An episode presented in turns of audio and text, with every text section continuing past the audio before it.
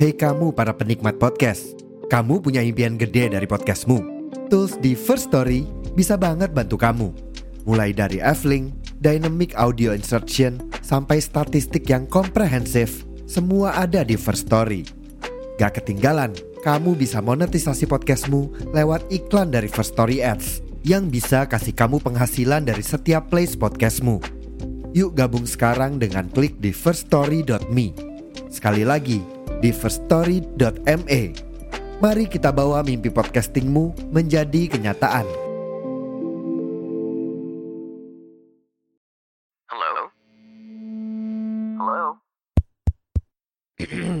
Podcast Network Asia.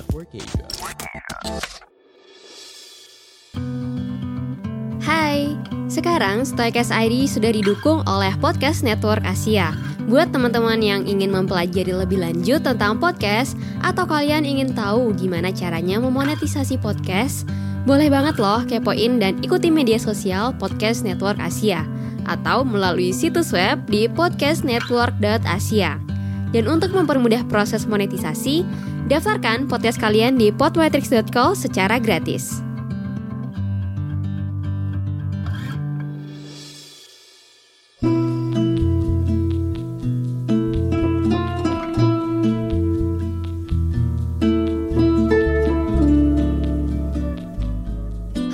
Apa kabar teman-teman? Berjumpa lagi dengan saya Sita Putri di episode terbaru Stoicast ID.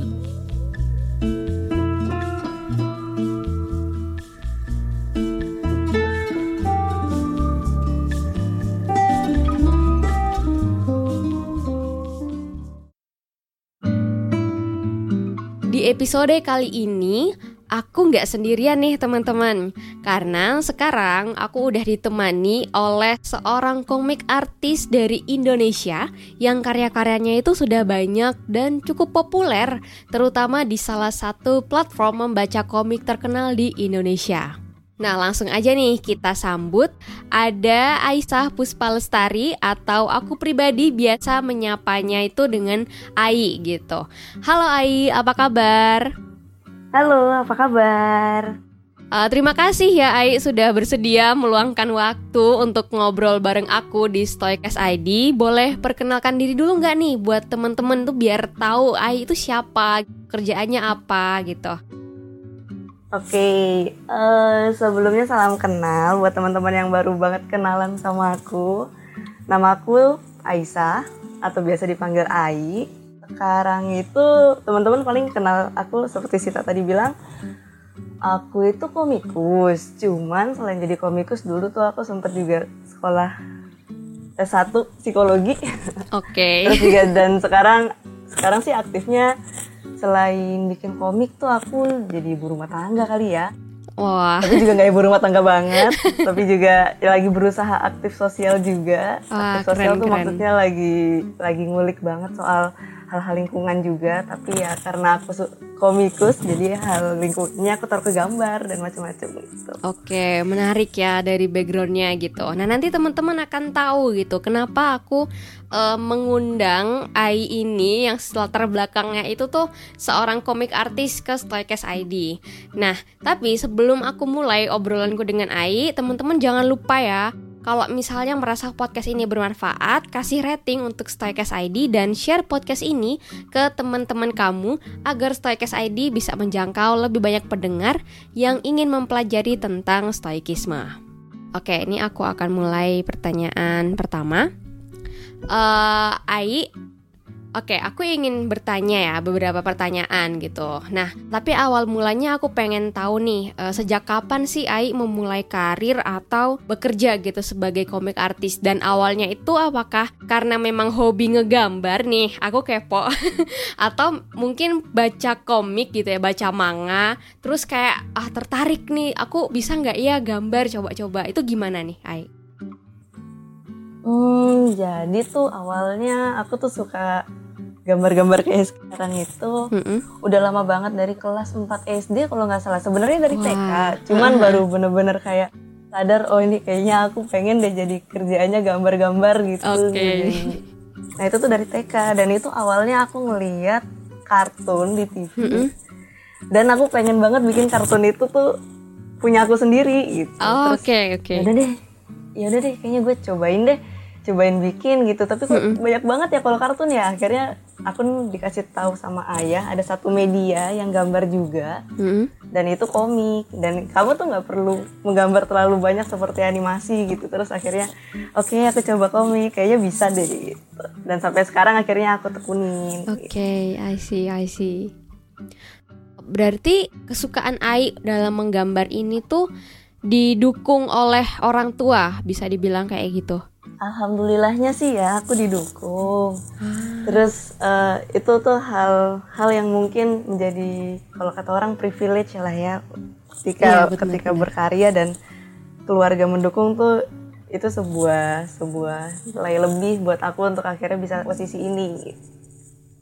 Iya, betul. Soalnya kalau eh, kita ya secara umum ya orang Indonesia terutama tuh kalau bilang oh, kamu nanti kerjanya ngapain cuma ngegambar doang gitu kan. Ya betul betul. Tapi bersyukur ya Ai itu didukung oleh orang tua gitu dan pada akhirnya mulai merasakan kayak dapat project pertama kali terus kayak eh, memulai sesuatu yang menghasilkan uang itu mulai kapan tuh Ai? Nah itu tuh aku mulainya pas SMA pas banget lagi UN. Jadi ceritanya Oh, oke. awal komik pertama aku yang masuk ke toko buku itu adalah komik yang aku bikin karena aku capek belajar. Judulnya apa kalau boleh tahu? Judulnya itu Wira dan Dane Petualangan di Dunia Kelinci. Ceritanya soal Oke. ada anak kecil dia itu eh, masuk ke dunia kelinci dan ngerasain diskriminasi karena di kelinci itu ternyata banyak rasnya dan dia tuh manusia Ah. sendiri menjadi minoritas di sana terus di situ ceritanya ya dia bergulir dengan petualangannya dan menghadapi eh, kelinci-kelinci yang nggak pengen ada manusia dan kelinci lain di situ Oke, menarik ya. jadi ternyata karena bosen belajar terus jadi bikin komik gitu ya. iya jadi escape-nya tuh lewat komik dulu terus akhirnya kan aku mencoba berani buat upload di sosmed dan ternyata dinotis sama editor dan akhirnya yuk Aisyah coba diterbitin komiknya gitu oh, oke boleh boleh gitu Wah, keren banget nih. Ini kita kalau gabut biasa tidur nih, Ai bosen gitu ya. Ini bikin komik gitu. Menarik banget ini. nah, aku pengen lanjut ya ke pertanyaan berikutnya. Tadi Ai sempet singgung kalau Ai itu eh eh, S1-nya itu melanjutkan kuliah di jurusan psikologi betul gitu. Nah, eh, dan faktanya nih teman-teman, kalau teman-teman kepo juga atau penasaran, Ai itu adalah satu angkatan sama aku gitu di universitasku ketika S1 gitu. Jadi aku udah memang kenal Ai itu sejak eh, lama gitu. Nah, aku pengen tanya, Ai sebagai lulusan S1 nih, sebenarnya kan bisa tuh memilih untuk berfokus menjadi full time comic artist gitu kan. Karena kan dari SMA tuh udah menghasilkan karya gitu kan. Atau bisa berkuliah di jurusan seni gitu entah masuk universitas eh, di Yogyakarta yang memang khusus seni atau misalnya yang di Surakarta atau misalnya di Jakarta itu kalau kalau nggak salah tuh juga ada. Ya. Atau di ITB juga ada kan ya kalau nggak salah yang terkait seni kayak gitu. Iya ada. Nah, Eh, sebenarnya eh, motivasi Ai untuk melanjutkan kuliah di jurusan psikologi itu apa nih kalau boleh tahu gitu? mungkin aku cerita di awalnya dulu. Jadi awalnya sebelum aku ambil bener-bener pengen di psikologi, aku tuh emang ada keinginan masuk ke jurusan seni. Terus aku coba cerita sama Hmm, ayah kan, ayah, nih kenapa sih eh, aku baiknya kuliah apa ya? Aku dari dulu milih Iya, sendiri, ini kayaknya aku butuh butuh konseling sama orang yang lebih tua gitu. Mending kamu ambil ini aja, ambil sekolah yang jurusannya umum yang lain gitu. Jadi kamu skillnya jalan, pengetahuan lainnya juga jalan. Terus Oke. kayak hmm oke.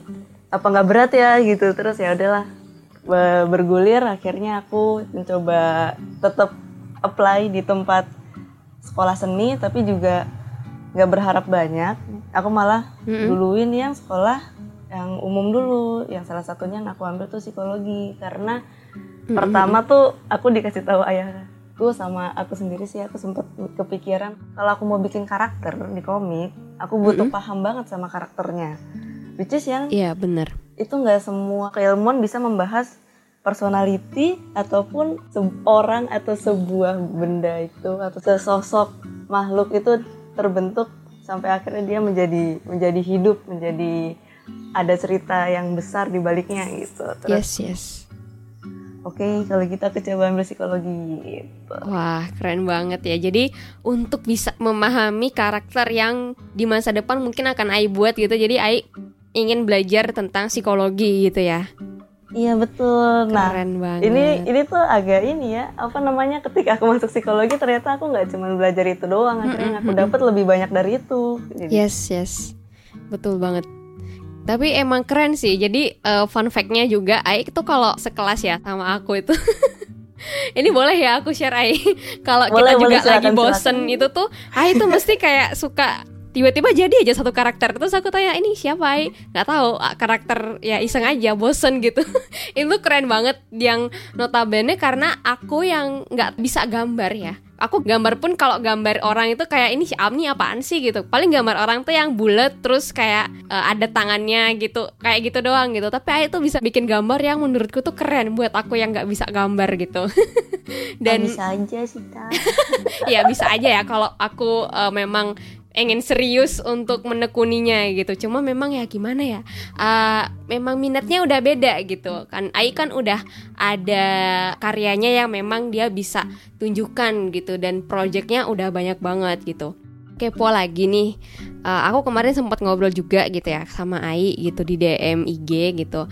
Ai tahu nggak tentang stoikisme gitu? Dan Ai bilangnya iya gitu. Nah aku pengen kepo. Hai tahu tentang filsafat stoikisme dan mulai kayak belajar tentang stoik ini tuh sejak kapan tuh? Nah itu tuh aku eh waktu itu ada buku, ada dua buku sebenarnya. Tapi yang satu aku belum selesai baca, kayak Mm-mm. udah sampai di titik. Oke nih gue terapin dulu baru gue baca Lanjutin next lagi. babnya gitu ya. Oke. Ini tuh ada dua buku. Satu tuh si filosofi teras, yang satu lagi bukunya Mark Manson yang Hmm, hmm, hmm, hmm. a fuck bla bla bla gitu. Itu tapi aku Oke. belum selesai baca yang buku oren. Aku aku sebutnya buku hijau dan buku oren gitu. Iya. Nah, yang dari situ tuh ada empat tahun lalu kayaknya itu aku dapet bukunya, Hmm. dua buku itu dan pertama kali aku belajar stoik terus kayak ini kayaknya aku cocok banget deh. itu karena karena ketika itu tuh mungkin kita tahu aku sempet pak ada absen absen di kelas gitu Iya, karena iya. berbagai macam Mm-mm. hal sambil ngerjain project juga terus ketemu buku ini dan cukup bikin aku tenang karena banyak hal baru dan konsep pemikiran baru yang aku Mm-mm. baru bisa paham sekarang gitu hmm, hmm.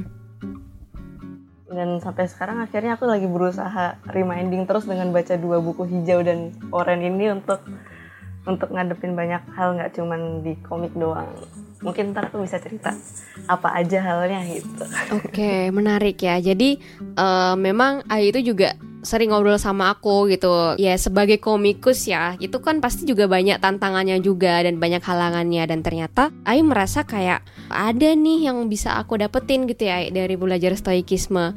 Kemarin yang Ai katakan ke aku kayak gitu. Nah, aku pengen tahu nih perbedaan yang Ai rasakan sebelum mempelajari dan setelah gitu mempelajari kemudian Ai dapat wawasan baru gitu. Dari keilmuan ini ya digabung gitu ya. Dari ilmu yang Ai pelajari di psikologi dan juga yang Ai pelajari dari membaca buku tentang stoikisme. Itu perbedaannya apa? jadi eh, buat pengantar ya. Jadi sebenarnya mostly seniman ataupun kreator. Itu tuh ada kecenderungan kita tuh grinding banget. Kalau orang luar mungkin ngelihatnya kita kayak orang-orang yang lu hustling banget sih kerjanya iya. gitu. Kayak gitu. Dan bikin kamu itu tuh overthinking. Iya terus kebanyakan kepikiran hal-hal yang seharusnya nggak dipikirin. Kayak misalnya Yes. komentar orang.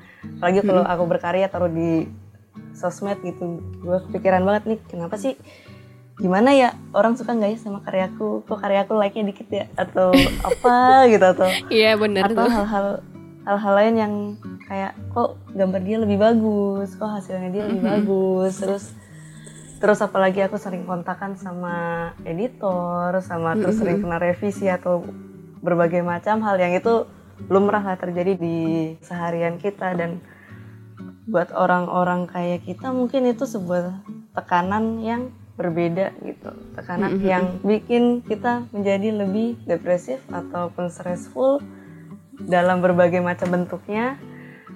Lalu ketika aku baca buku si hijau dan si merah ini Mm-mm.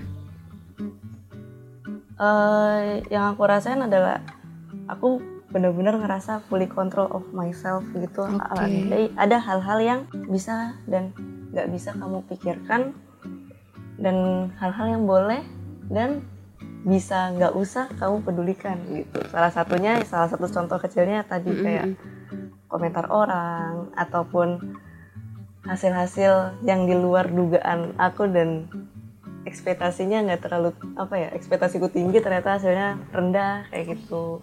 Hal-hal kayak gitu yang aku baru realize oh kamu menyikapinnya nggak harus nggak harus dalam apa ya dalam emosi yang berlebihan kamu bisa biasa aja kok itu hal biasa kok terjadi kayak gitu Mm-mm. itu salah satunya gitu sih Oke, menarik ya. Soalnya memang eh, aku ya melihat teman-temanku juga. Terus kan aku suka eh, follow beberapa komik artis, tapi mereka yang buka open commission biasa di Twitter gitu. Terus eh, Iya, suka nge-share eh, hasil commissionnya mereka gitu ya, Ai.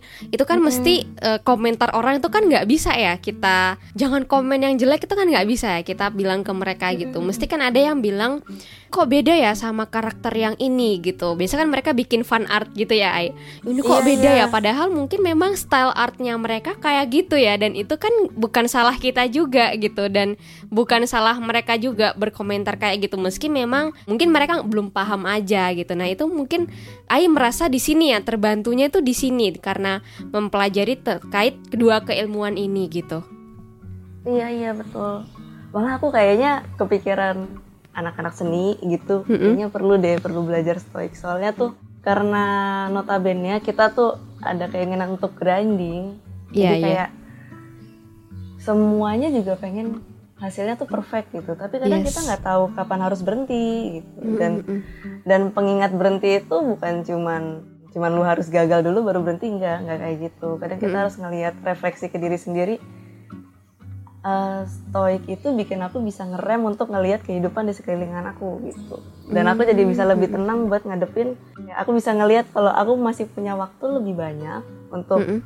Mengasah diriku tanpa harus diburu-buru ataupun merasa tertekan malah seharusnya tidak tertekan karena Mm, mm, mm. kamu sudah memilih untuk melakukan ini dan memang konsekuensinya eh, tidak semudah yang orang lain yang tidak seserius ini mengambil jalan ini which is aku bikin komik gitu kalau Sita Yes. bikin podcast aku bikin komik atau enggak kalau ada teman-teman yang masuk kuliah ya kalian sudah mengambil jalan itu ya udah jalani karena itu pilihan kalian gitu. Wah ini reminder juga buat aku. Terima kasih Ai.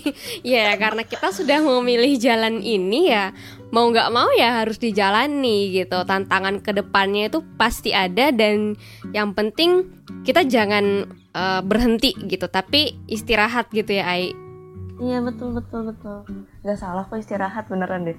Itu dan itu hal yang aku sadarinya tuh telat. Jadi aku sempet sempet kemarin tuh aku ngerjain eh, komik komik kalau yang komik luar negeri juga. Mm-mm. Terus kecapean sampai capek gitu. Itu kayak dan aku tahu stoik itu setelah itu gitu setelah kejadian itu. Aku udah sampai capek sakit karena aku kerjanya beneran kayak ini besok nggak ada lagi nggak ada lagi nggak ada lagi gitu kayak. Mm-mm. hal yang tidak ingin ditinggalkan tapi terlalu ter- effortnya terlalu banyak sampai aku nggak mentingin kesehatan. Dan dan bikin kamu jadi lupa untuk berhenti gitu. Berhenti untuk sekedar istirahat. Lalu lanjut lagi itu boleh loh gitu. Yes, dan itu yes. setelah aku kenal stoik kayak ya udah ay istirahat lu tahu sehat tuh penting gitu. Ya sebenarnya belum ada kata terlambat juga ya pada akhirnya. Mungkin itu jadi uh, reminder ini loh kamu kalau forsir banget nanti jadi sakit. Terus didatengkan lah Ai akhirnya baca gitu. Buku ini tuh menjadi apa ya eh, jawaban mungkin dari segala pertanyaan Ai dan sangat membantu Ai selama ini gitu ternyata buku-buku stoikisme ini gitu ya. Eh, nah eh, aku ingin bertanya untuk selanjutnya nih Ai kita akan eh, berpindah dikit eh, tantangan nih.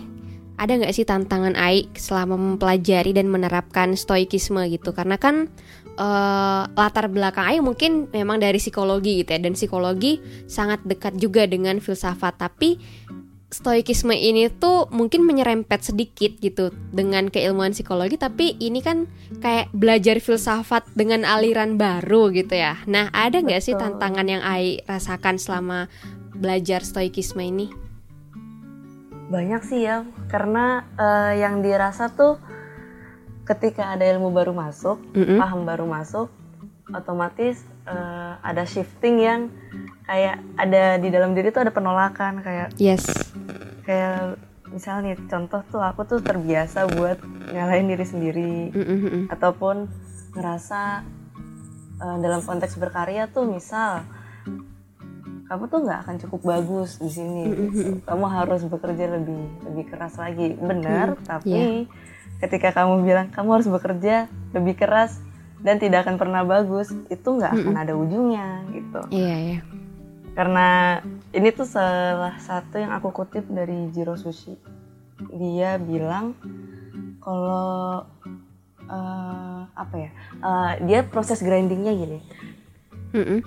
jika kamu menghadapi apa melakukan hal yang kamu suka sampai kamu nggak akan ngelihat the top of mountain-nya tuh lu nggak akan ngelihat gitu. Mm-mm-mm. dan itu tuh bertentangan banget sama aku yang anaknya goal based banget gitu. Terus jadinya ketika ketemu stoik malah ya emang nggak harus seperti itu kok kamu memandangnya. Yes. Dan itu diingatin harus diingetin berkali-kali sih emang sih. Karena ini Mm-mm. kalau kamu ber- ingin berubah jadi lebih baik kamu harus latihan terus untuk apa ya mengambil intisari dari yang ingin kamu capai kayak yang stoik tadi stoik dalam berkarya lah ya. Mm-mm-mm. tuh. Yang rasain gitu sih. Ah, menarik, menarik. Eh, terus kayak ada ini nggak? Kayak denial gitu nggak? Merasakan hal-hal yang eh, kayak ini ya ini kok kayak gini sih? Atau malah Ai merasakan kayak oh ternyata kayak gini ya? Tapi kok eh, kayak gitu. Biasa kan muncul tuh kayak perdebatan mungkin itu kan juga menjadi salah satu tantangan ya. Kalau Ai sendiri gimana? Eh, kalau AI itu itu sih proses grinding sih. Aku tuh ada tendensi nggak bisa berhenti gitu. Hmm, Se- dan aku nanya teman-temanku juga emang kita nggak bisa nggak bisa berhenti beneran berhenti? Soalnya ini ini jalan yang lu ambil sampai seumur hidup gitu dibilangnya tuh Iya. gitu terus ya terus gimana masuk eh, kalau capek masuk berhenti gitu Mm-mm-mm. ya nggak gitu nggak nggak nggak boleh kayak gitu karena kamu boleh set ekspektasi lu lu bisa banyak hal setinggi mungkin tapi jangan lupa jangan lupa buat berhenti itu sih yang di yang selalu aku reminding tuh jangan lupa buat berhenti Mm-mm. sama satu lagi setinggi apa pun ekspektasi kamu tetap terima hasilnya apa pun. Karena kita tuh masih di dalam proses untuk menuju ke atas sana gitu. Mm-mm-mm. even gak nyampe pun you already in the top gitu loh. Oke. Dibilangnya gitu. Dan ini sering jadi pergulatan di hati sih dan bikin insecure juga karena nggak ngerasa dapat di di apa ekspektasi yang diinginkan. Cuman dengan stoik aku diingetin emang gak bisa kamu berharap semuanya terjadi sesuai apa yang kamu inginkan dan kamu set untuk goal dirimu sendiri gitu Yes, setuju kalau itu. gitu sih tak